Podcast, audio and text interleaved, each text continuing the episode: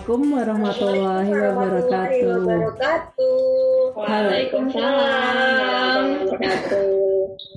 Halo guys. Hai. Hai. Ini pura-puranya netizen. Oh ya. Kembali lagi nih di di Krema Talks. Kali ini eh, kita bakal bawain Krema Talks. Ada aku Anissa Nadifa dari Krema dan Ada aku, istri dari Krema. Jadi di Krema Talk kali ini kita kedatangan tamu yang istimewa nih guys. Waduh. Pastinya kece parah kan. Gila, Yuk kita panggil dulu. yuk kita panggil. UKS Sangga Terpidana. Halo. Halo, Vanessa, Ini udah Rizky. sangat familiar kan guys.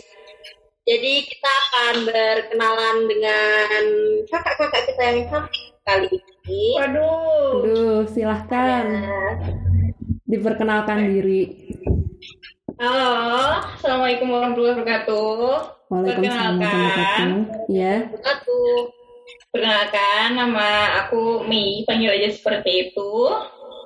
Eh, aku nih jabatannya di UKM Iya. sangat terpidana sebagai eh, manajer atau mungkin UKM UKM lain sebutnya sebagai ketua. Tapi itu hanya jabatan aja, jadi nggak usah sungkan, santai aja kita kali ini. Oke, siap. Nah, Oke. satu lagi. Eh, angkatan perlu disebut? Ah, boleh, boleh. Oh boleh. Jangan. Oke. Angkatan eh, fake-nya aja 19 anggap aja seperti itu biar kita Oh, gitu. ya. Oh iya. iya. Anggap aja seperti itu. Terus eh, di sini kali ini aku ditemani sama eh, sekretarisku yang paling aduh hai yang paling adalah Yuk, muncul nak. Oke. Oke, thank you. Assalamualaikum warahmatullahi wabarakatuh. Waalaikumsalam wabarakatuh. Aku Revi Wulandari, panggil aja Revi. Di sini nemenin eh, si Mei, saya sebagai sekretaris umum yang sangat pidana. Oke, kita mulai dari pertanyaan yang pertama. Nah, dari Waduh, kayak Oh. kita quiz ya. Iya. lo aku white coffee. Oke, Nah, satu juta. Oke. dari Mbaknya nih bisa dijelasin apa nama sangga terpidana itu dilatar belakangi dari apa? Oke. Eh, terpi- eh, sangat terpidana, terpidana sendiri itu sebenarnya eh, usulan dari alumni yaitu pendiri yaitu Bang Hendy sama Bang Sandi. Aku sebutin aja ya namanya di sini. Iya, nggak apa-apa. Terus muncul nama terpidana ini, itu artinya teater putra putri di bawah naungan akademik karena eh, kita ini sanggar, sanggar tuh ya teater, teater, tapi kita ini tetap berada di bawah kontrolnya eh, Fakultas Hukum UII seperti itu dan di bawah di bawah lem juga, di bawah naungan lem juga kayak gitu.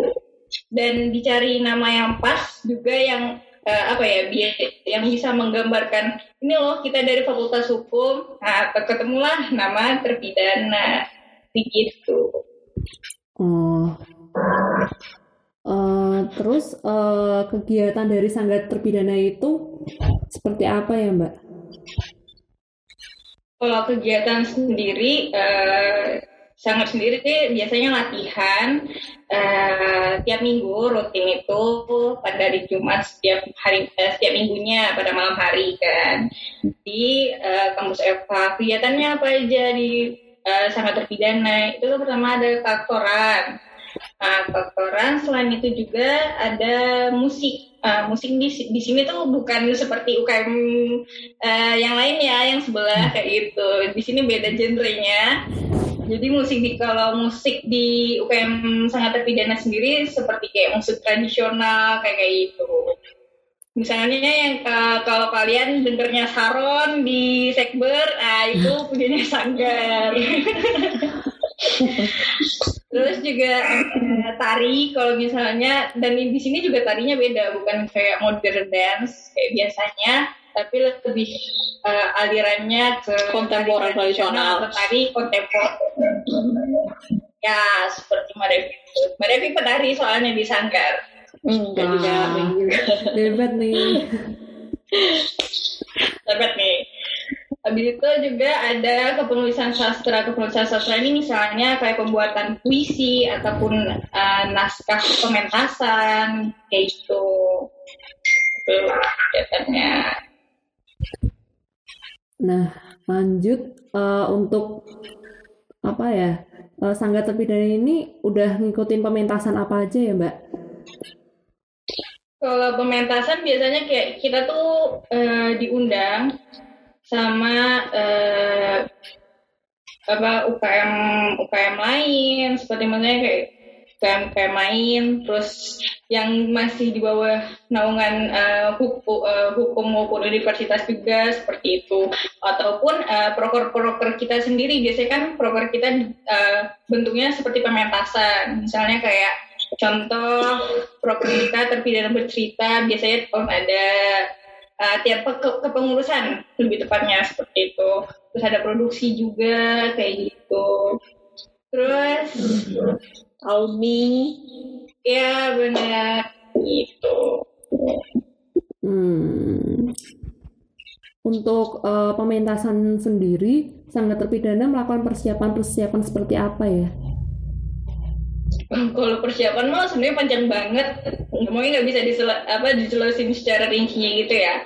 Tapi kalau biasanya eh, pementasan setiap acara maksudnya nggak hanya acara di sangkar aja tapi di luar sangkar pun pasti otomatis ada eh, persiapan konsep pementasan seperti apa kayak gitu. Kita mau eh, bawain naskah apa atau kita mau bawain em, puisi dijadikan musikalisasi seperti apa kayak gitu atau dan juga setelah itu ada juga eh, persiapan apa ya pembagian peran-perannya seperti misalnya benar. eh, eh, pembagian sutradaranya siapa, pembagian astradanya siapa, artisnya siapa dan non artisnya seperti apa. Nah dari situ dimulailah pembagian job desk dan dikerjakanlah sesuai job desk mereka. Misalnya sutradara membuat naskah, terus eh, bagian tim musik membuat latar bel- apa biasanya sih Musik pesuasanaan. musik pensuasanaan seperti itu. Lalu lanjutlah sampai hari H pementasan. Banyak sih sebenarnya eh, disiapinnya biasanya lebih ini itu non artistik, maksudnya yang kayak lebih terlihatnya kayak gitu.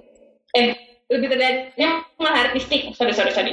Seperti misalnya tata riasnya seperti apa, kayak gitu. Itu kan perlu perlu juga buat eh, aktornya kan, atau buat penarinya kayak gitu. Eh, terus tata busana seperti apa juga terus lightingnya seperti apa juga itu benar-benar kayak harus dipersiapin secara matang Berarti nggak ya cuma udah. hanya latihannya aja ya, Mbak ya? Berarti sama keperluan-keperluan yang lainnya juga begitu ya? Benar, benar.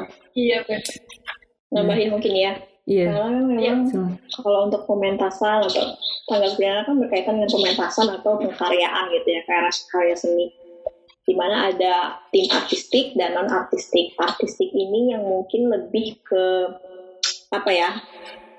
keaktorannya, kemudian pemain-pemainnya, kemudian musik musiknya bagaimana, pesuasanaannya, terus juga apa namanya? yang berkaitan dengan seni pengkaryaannya di panggung. Nah, sedangkan yang non artistik ini yang berkaitan dengan backstage siapa sih yang yang mengelola di belakang panggung ini gitu loh.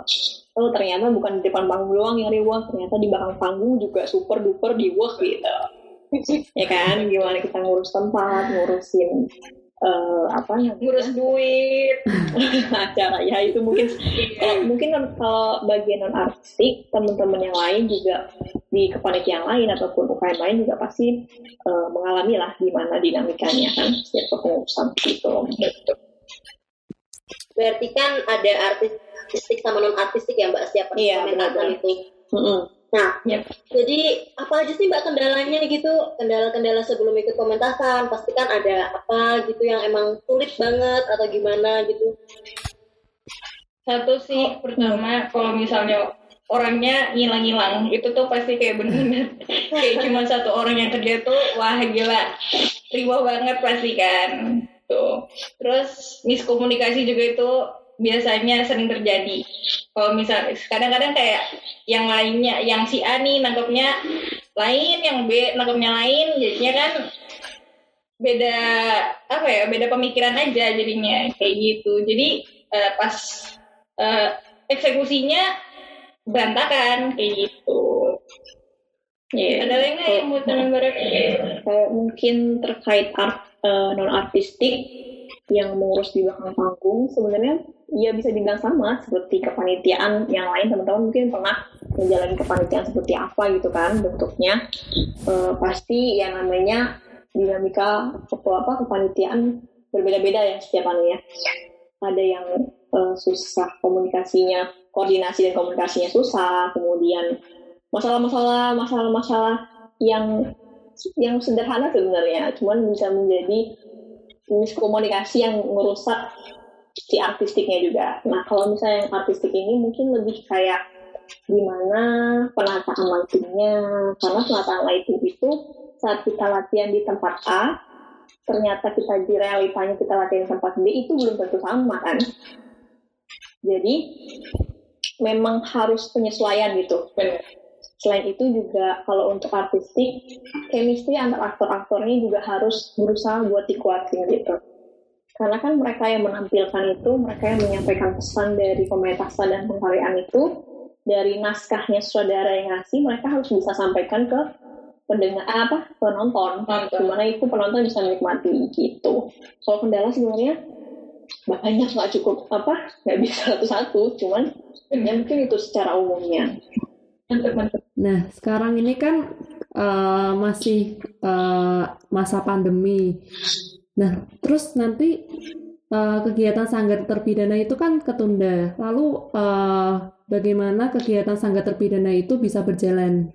Kegiatan sanggar terpidana sebenarnya benar-benar tertunda ya, ya kan? Hmm, iya. Jadi mungkin ah nggak mau yang nggak sangga terpidana tapi kayak UKM UKM lain pasti juga kegiatannya prokesnya iya benar. Nah, mungkin ya, Lem juga jadinya inisiatif bikin podcast ya mungkin jalannya Lem kayak gitu.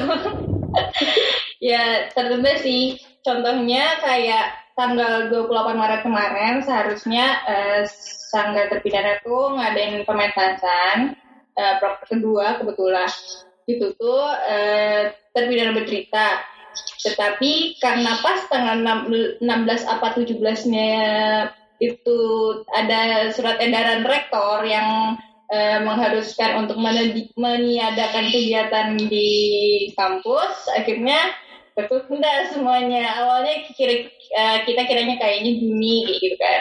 Tapi sepertinya bakal tertunda lagi.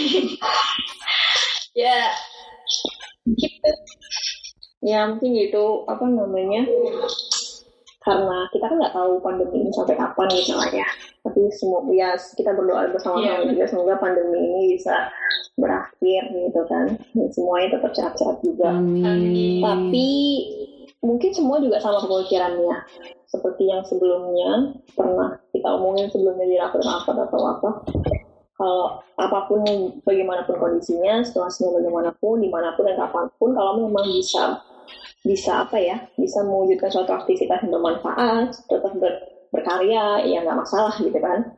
Termasuk bukan podcast ini salah satunya, salah satu ide yang menarik gitu loh.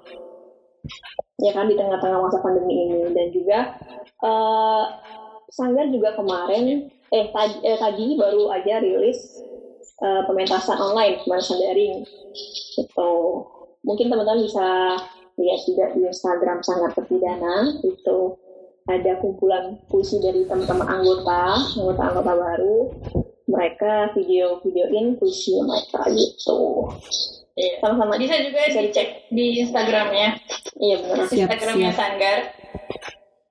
Itu. Jadi apa pun kondisinya tetap berkarya.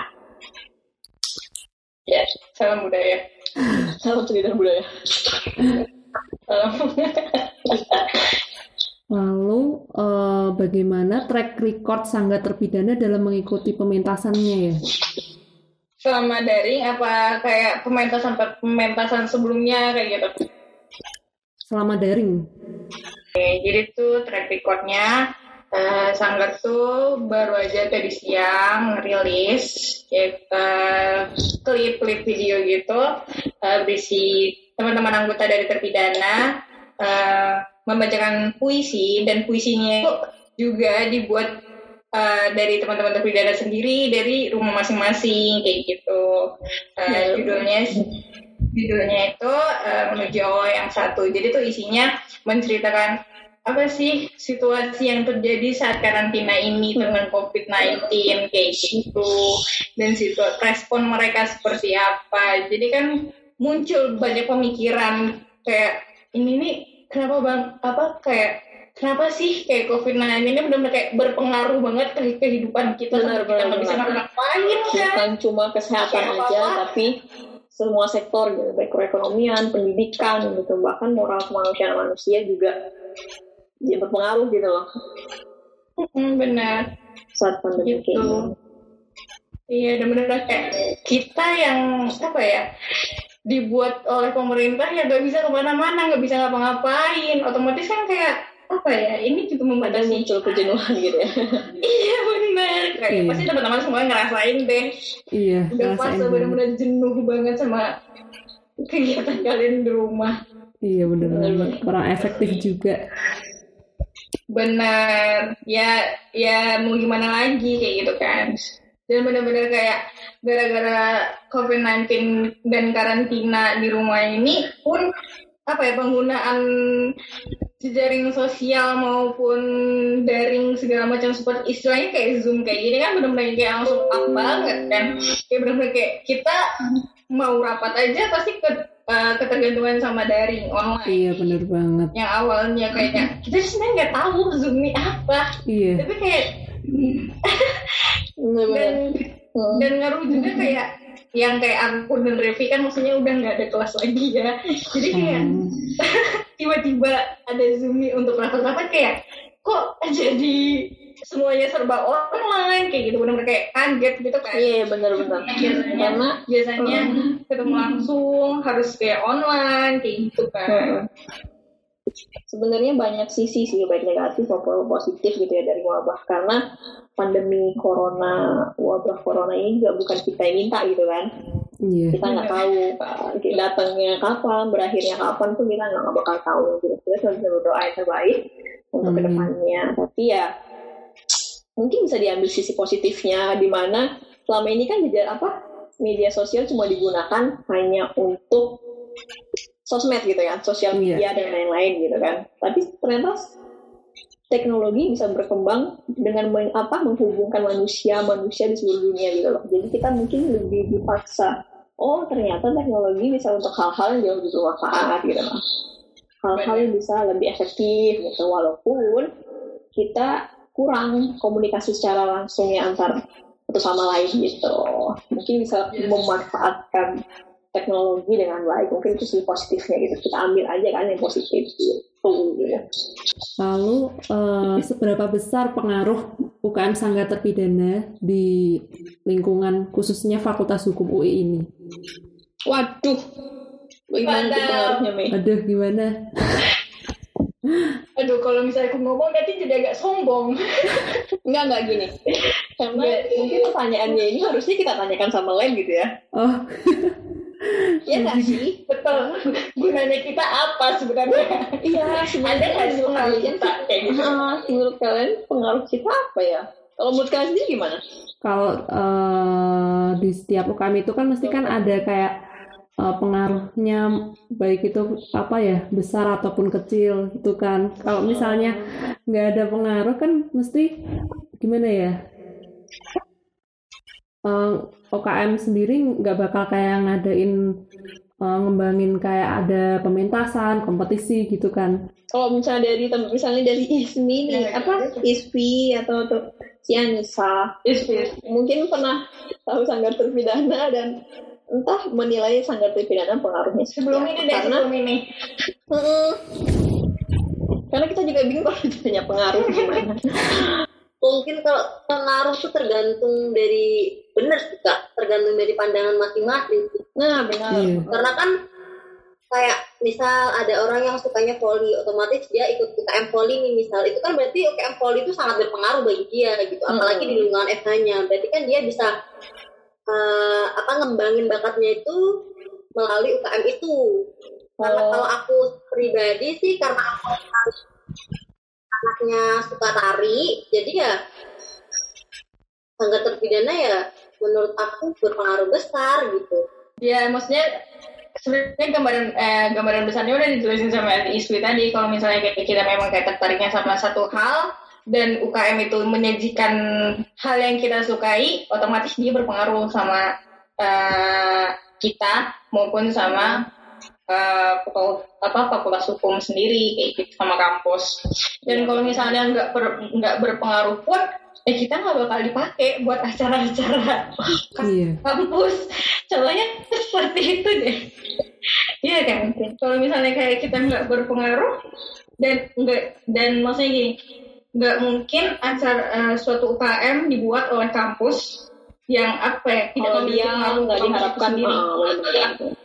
Mungkin kalau dari pandangan Iya, aku, kan. aku pribadi gitu ya kalau untuk ini mungkin harapan bagaimana pengaruh sanggar ke depannya mungkin aku nyampe kayak gitu Iya. ya kalau untuk pengaruh sanggar kan orang masing-masing orang di sekitar kampus FK ini yang menilai gimana dan kami sih berharapnya sanggar terpidana ini bisa berpengaruh walaupun tidak akademik karena kan masing-masing UKM punya porsinya masing-masing gitu ya Iya. yang masih ada yang akademik, ada yang non akademik gitu kan.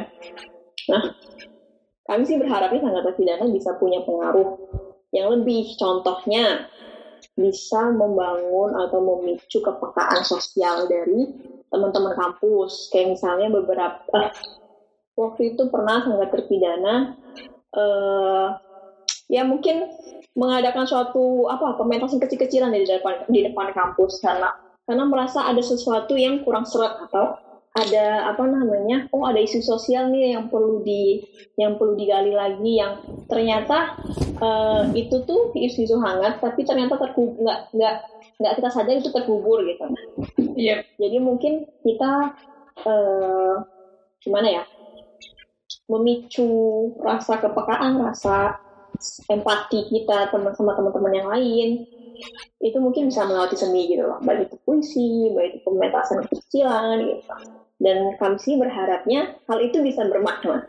Artinya, oh ternyata aku mahasiswa hukum bukan hanya bukan hanya di kelas saja, tetapi aku juga harus peka mata telingaku dan ketika aku berada di mana aku tahu oh kondisi sosialku seperti ini gitu. Ada yang tidak sesuai kondisi so- apa kondisi sosialku dengan yang aku pelajari. Seperti itu kan? Teman-teman masih belajar kayak gitu juga.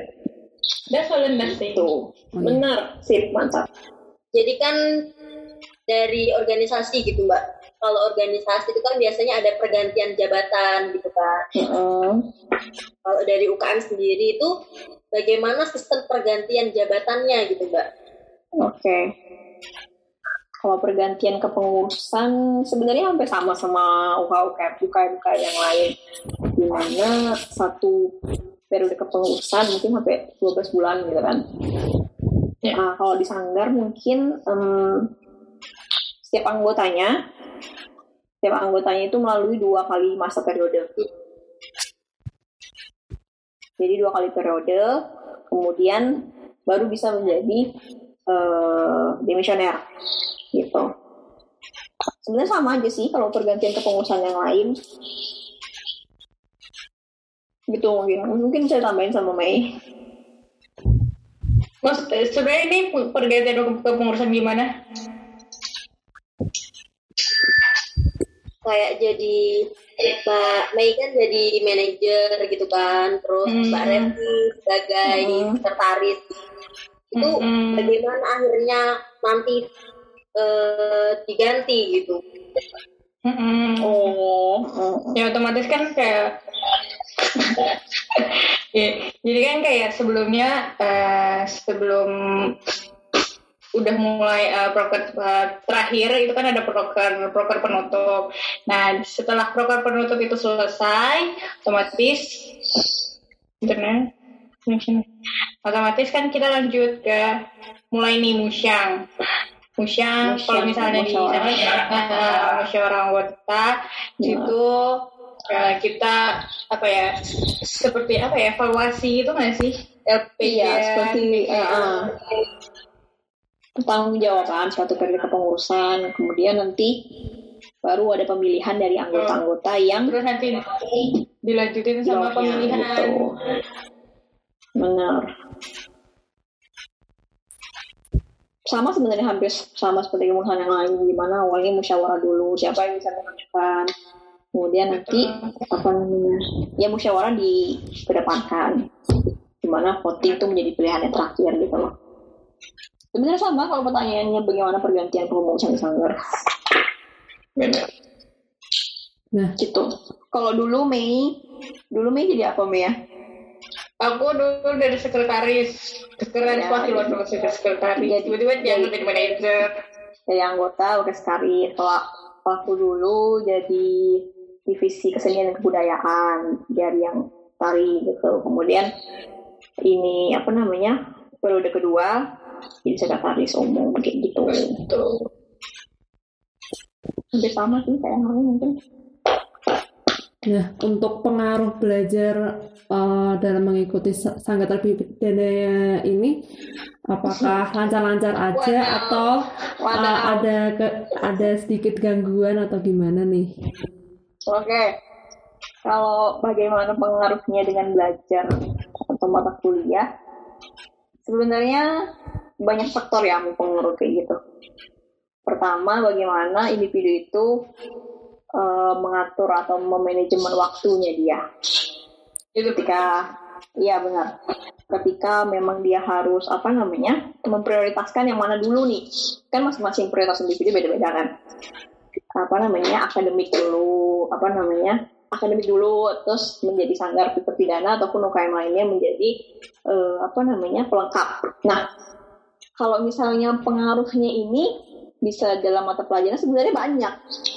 Sekilas mungkin terpidana bercerita em, seperti apa ya cuma menyalurkan bakat atau ekspresi gitu ya.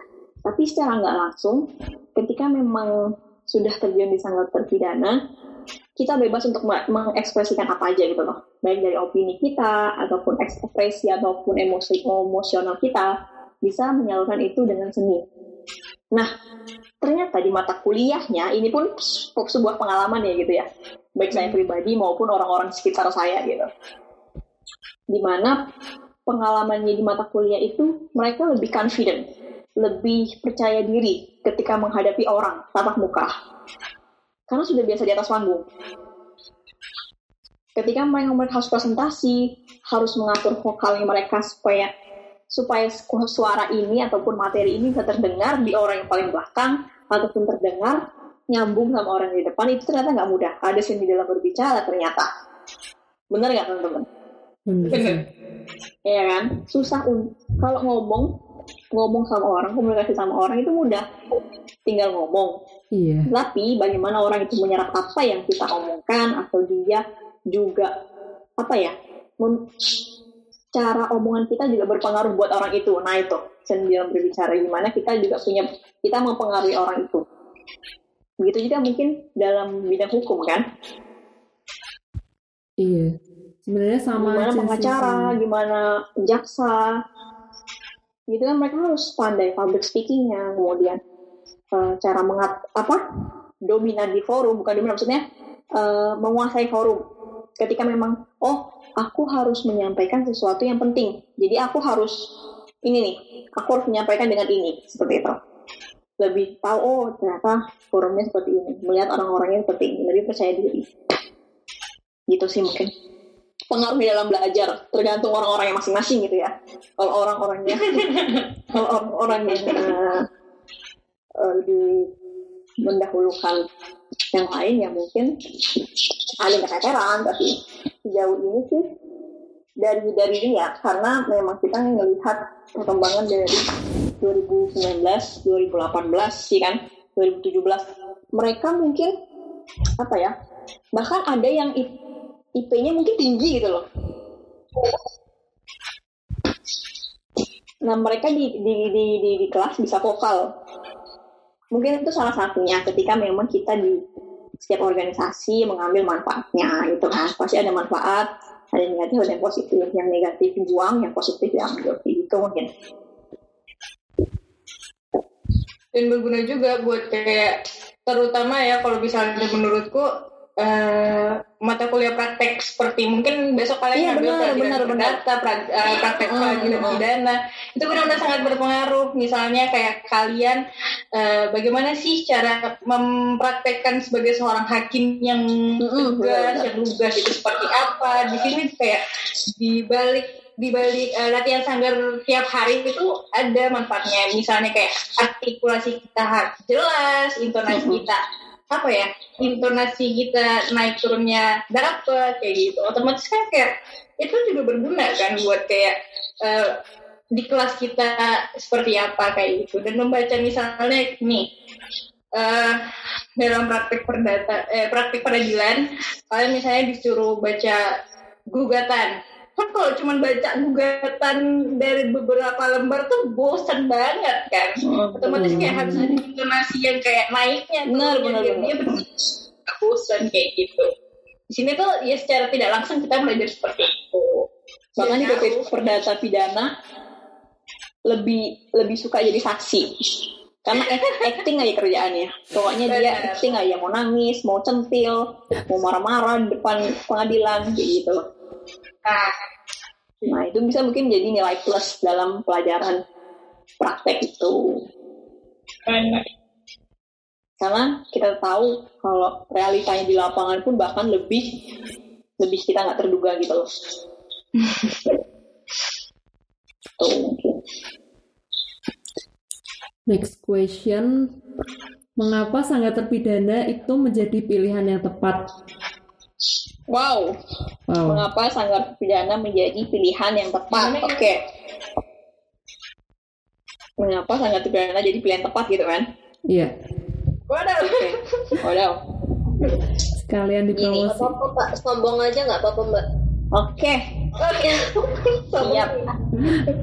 Jadi kalau alasan kenapa sanggar terpidana ini menjadi pilihan tepat untuk teman-teman ataupun calon-calon anggota yang ingin masuk nih. Karena gini kita manusia itu diciptakan dengan akal, pikiran, hati nurani gitu kan. Nah pemikiran itu banyak banget pemikiran manusia ini kan. Begitu banyak konsep pemikiran yang ada dalam satu kepala, baru satu kepala gitu loh. Kemudian juga kita diciptakan dengan berbagai bentuk emosional yang apalagi kita sebagai mahasiswa gitu loh, mahasiswa di mana beranjaknya dari remaja bukan anak kecil ya, tapi dari remaja ke dewasa, di mana punya emosional yang bakal lebih. Pertama, mereka kita akan merasa punya oh ternyata aku udah gede ya, oh ternyata aku eh, apa namanya punya beban ya untuk ke depannya. Oh, oh ternyata aku punya ah, beban ini, tunjangan ini, ini, ini, itu, ini, itu. Nah kalau seandainya emosional itu dipakai, disalurkan dengan hal yang negatif, pasti teman-teman tahu lah banyak hal-hal yang eh, apa namanya banyak kadang-kadang yang terjerumus karena hal-hal itu karena nggak punya wadah gitu loh untuk gimana mengekspresikan emosionalnya dia gitu. Nah di sanggar ini itu pilihan yang tepat untuk mengekspresikan emosi, pemikiran, perasaan ataupun karya-karya itu tepat. Kenapa? Karena pengalaman kita di sanggar, ketika memang kita di atas panggung ngomong apa pun yang kamu mau. Itu salah satu latihan dari kegiatan sanggar basic gitu ya. Ngomong apa pun yang kamu mau, keluarkan semua emosimu, kemudian apa ya? Kamu cari solusi tersendiri. Kamu keluarin semua keluh kesahmu, kamu ini dari faktor ini, ini aku keluargaku seperti ini, kemudian juga apa namanya lingkunganku seperti ini, kemudian tuntutan dari apa orang tuaku berbagai macam masalahnya. Nah di situ kita bisa mengekspres, oh ternyata ekspresi bisa disalurkan dengan uh, speech dengan aku ketemu sama orang, aku bisa bersajak gitu. Kami kadang-kadang latihan tuh dua orang sambung nyambung gitu loh. Kamu ceritakan keluh kesah, aku ceritakan keluh kesahnya. Kamu nanggepin, aku nanggepin. Kamu kasih solusi, aku kasih solusi kayak gitu. Jadi wadah kita bisa jadikan puisi ataupun wadah kamu tulis apa pun yang kamu mau apa pun yang kamu rasakan itu kan sama dengan stress healing nggak sih Iya. tanpa kita sadari nah di situ mungkin lebih sebagai wadah yang tepat untuk mengekspresikan apa pun termasuk emosi pemikiran pemikiran tuh kalau kita nggak bisa ngolah pemikiran yang ada stres bahkan bisa jadi orang gila Bener, mantap. kalau dengan karena banyak ideologi-ideologi yang nggak bisa disaring. Nah di sini mungkin kita bisa ekspresi, bisa jadikan itu tulisan, jadikan itu apa cerpen, jadikan itu puisi, jadikan bahkan jadikan itu musik, cari-cari sendiri chord-chordnya gitar, chord piano, sama teman-teman. Itu bisa jadi musik menjadi keluh kesahnya masing-masing gitu loh. Nah mungkin sekilas dari sudut pandang beberapa orang awam eh, seni nggak terlalu berpengaruh dalam pekerjaan gitu ya. Dalam pekerjaan dalam pendidikan. Tapi ternyata basicnya itu juga seni gitu loh. Ya lewat sini. bener kamu komunikasi sama orang kamu eh ya macam-macam lah interaksi sama orang gitu. Mungkin gitu sih. Kenapa sanggar menjadi pilihan tepat? Dan satu lagi kalau memang teman-teman ingin tahu kenapa sanggar pilihan tepat ya jangan lupa join. Kita nanti. Semoga pandemi ini selesai. Amin. Gitu. Amin. Kita bisa kita lihat bersama. Benar kita lihat bersama-sama nanti kan gimana seru banget. Betul. gitu. Nah, Soalnya kalau misalnya kayak kita cuma ngobrol kayak gini juga, tapi kayak eh, orang-orang juga nggak melihat aslinya gimana sih, Hmm, jadi kayak nggak bakal tahu juga kita nih kayak gimana kayak gitu. Nah, Dan kadang-kadang kayak eh, mungkin orang lain sedikit mengesampingkan kayak kok ada apa ya UKM seni di kampus hukum sih? Kayak gitu. Padahal kan bener kayak uh, ngerti apa sih berpengaruh banget. ya Gitu. mungkin itu mungkin kita kan eh, setelah kita terjun baru kita tahu rasanya gimana nah itu mungkin pengalaman orang masing-masing gitu Yap. gitu sih mungkin Rizky ya Pak Anissa Oke Mbak. Nah nih, kita udah sampai di the last question. Udah oh sampai last question aja. Eh, untuk OKM Sanggar Terpidana sendiri, rencana ke depannya itu mau seperti apa? oke gimana Mei Eh, eh, rencana ke depan otomatis kita yang melanjutkan proker-proker yang tertunda. Kayak gitu. Dan kalau misalnya pun eh, daring perkuliahan daring atau kegiatan daringnya ini diperpanjang otomatis ada beberapa proker yang juga kita salurkan lewat daring kayak gitu dan eh, dan kita juga udah mulai mau mempersiapkan pementasan eh, terakhir kepengurusan kita. Wadaw, terakhir sedih kali. Enggak deh. Enggak. Jadi tuh eh, biasanya tuh eh, siap akhir eh, kepengurusan periode periode itu bakal ada diadain namanya pementasan pentas produksi. Nah, dan ini tuh biasanya pentas produksi yang cakupannya eh, luas, nggak hanya eh, se kampus FAUI aja, tetapi se- seluruh pegiat seni maupun kampus maupun eh, eh, yang Masyarakat awam. kampus. Mhm.